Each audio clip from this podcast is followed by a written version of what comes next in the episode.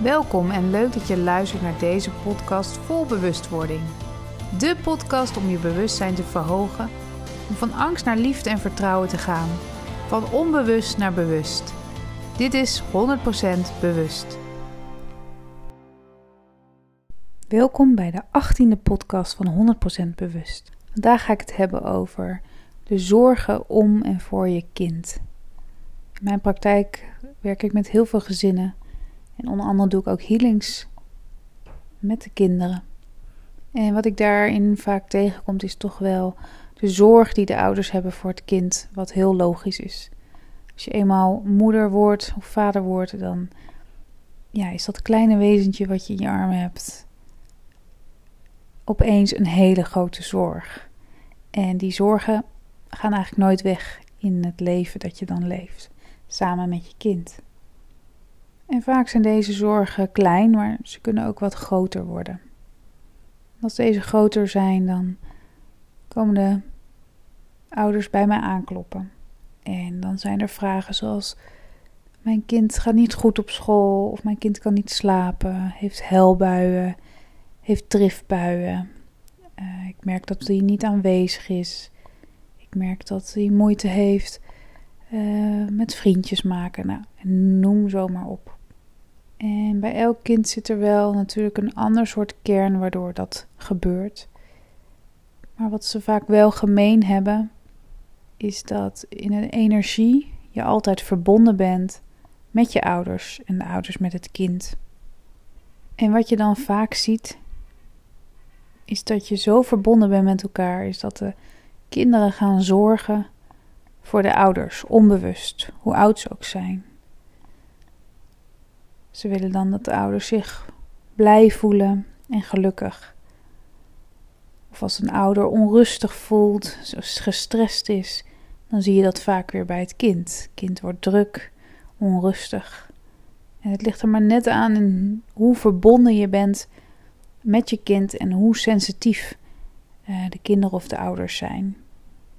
Het is wel belangrijk om dat te weten, omdat als jij als ouder je kind wil helpen, is het eigenlijk net zoals met een vliegtuig met zo'n luchtmasker, dat je die eerst bij jezelf moet opzetten en dan pas bij het kind.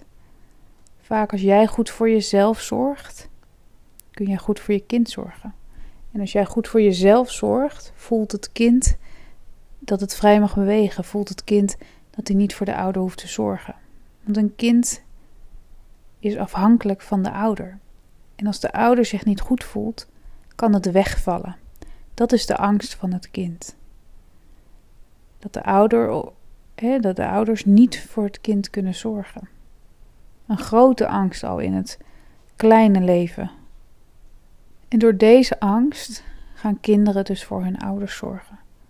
Omdat ze zien dat de ouders het druk hebben, dat ze niet aanwezig zijn. Misschien wel lichamelijk, maar niet emotioneel.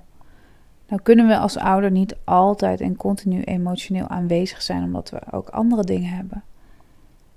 Maar het is wel belangrijk om dat wel te hebben met je kind. De moment dat je echt in het nu bent, echt contact maakt. En niet continu op je telefoon zit of met je werk bezig bent, of met de koken of met de boodschappenlijstje, maar dat je echt in het nu op een dag momenten hebt met je kind volledig in verbinding. Op dat moment maak je echt contact met je kind. Hart tot hart. En kun je elkaar ook beter zien, horen en voelen en begrijpen. Tegenwoordig is het leven zo druk en moeten we zoveel. Hè, de, de, de, ouders werken allebei. Er is gezin draaiende. Nou, in deze tijd moesten we zelfs voor school zorgen. En als de vakantie voor de deur staat, ja, is er ook meer nodig. Gaan de kinderen niet naar school en is er gewoon meer te doen. Dus die één op één is zo belangrijk dat het kind zich gezien en gehoord voelt. En dat de ouder ook in staat is om dat te kunnen doen. Dus het is heel belangrijk als ouder dat je kijkt naar welke stukken en waarom jij nog soms niet emotioneel aanwezig kan zijn, waar je je zorgen over maakt, waarom je soms moe bent en dat je echt goed voor jezelf zorgt. Een kind ziet namelijk het voorbeeld. Jij bent dan het voorbeeld. En dan kan je het wel zeggen, maar wat je doet is duizend keer sterker. Dus een kind zal altijd kijken naar de dingen die je doet en niet die je zegt. Een kind is altijd in de energie 50% moeder in de energie en 50% vader in de energie. Dat is anders dan DNA. Ik heb het echt over de energie. En jij bent dus ook van jouw ouders. 50% je moeder, 50% je vader in de energie. En het is zo belangrijk om te beseffen dat als jij ouders hebt waar je het goed mee kan vinden, dat je jezelf dan ook heel goed accepteert. Want als jij je ouders accepteert, accepteer je ook jezelf. Je bent immers in de energie verbonden. Maar mocht jij niet zo'n goede band hebben met je vader of met je moeder, en zelfs een beetje tot afstoting of niet zo willen zijn als je ouders, dan vormt daar al een blokkade. En een blokkade van eigenlijk jezelf afwijzen. Een kind voelt dat. Soms gaat het in de energie zo ver naar de voorouders dat een kind dat zelfs voelt. Je hebt tegenwoordig ook familieopstellingen, waar ik een hele voorstander voor ben, waar je heel goed kunt zien wat er in de energie doet, wat er gebeurt in die families. En hoe dat, hoe die lading die daar zit, bij het kind terechtkomt. Dus als jij een goede band hebt met, met je ouders, zal je kind daarvan profiteren. Heb je geen goede band met je ouders, zal je kind daar niet zo van profiteren. In de energie is alles voelbaar en wordt alles doorgegeven.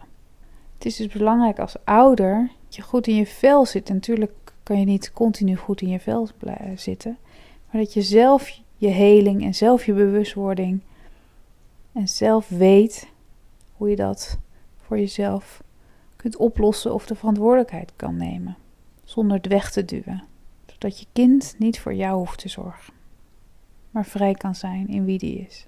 Natuurlijk zijn er nog meer dingen waardoor een kind bijvoorbeeld niet kan slapen, door, door bepaalde trauma's bij geboorte, dingen die er gebeurd zijn. Dus er zit natuurlijk wel meer dan dat. Maar het is denk ik wel goed om te beseffen hoe verbonden wij met elkaar zijn in de energie. Hoe verbonden de familiesystemen zijn en hoe verbonden kind en ouders zijn. En kinderen zijn zulke spiegels van de ouders.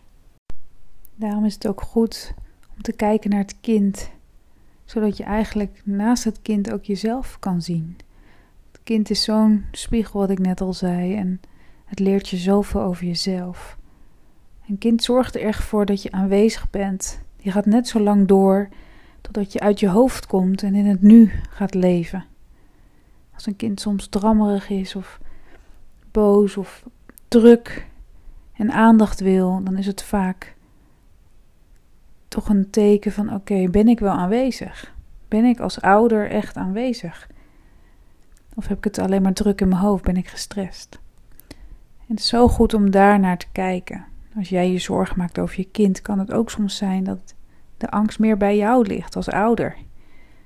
En dat het kind wat minder de last van heeft. Maar uiteraard kunnen kinderen ook zorgen hebben door andere dingen, door school. En daarom is het soms goed om te kijken en te voelen wat jouw kind nodig heeft. En dat doe ik dus met fotoreadings in mijn praktijk, soms ook met healings, ligt aan hoe oud de kinderen zijn. Om zo als een soort kindertolk ja, te fungeren zodat je weet wat er speelt bij je kind, zodat jij kunt doen wat er nodig is en zodat de zorgen kunnen worden losgelaten. Als je daar meer over wil weten, kun je me altijd mailen op info.mirandabeuk.nl. Ik hoop dat deze podcast weer wat meer bewustzijn heeft gebracht over ouder en kind. Over de verbinding die daar is. En ik hoop dat je daar profijt van hebt gehad. Ik wens je in ieder geval een hele fijne dag. Bedankt voor het luisteren naar deze podcast. Leuk dat je erbij was. Wil je nog meer weten over persoonlijke groei? Kijk dan even op mijn website mirandabeuk.nl. Vond je deze podcast inspirerend? Geef dan een leuke review en abonneer of volg deze podcast zodat je niks kunt missen om van angst naar liefde en vertrouwen te gaan. Heb jij nu zelf een situatie waar je in vastloopt? Stel je vraag dan via mijn website bij De Bewuste Vraag. En ik zal deze zo snel mogelijk voor jou gratis beantwoorden. Bedankt voor het luisteren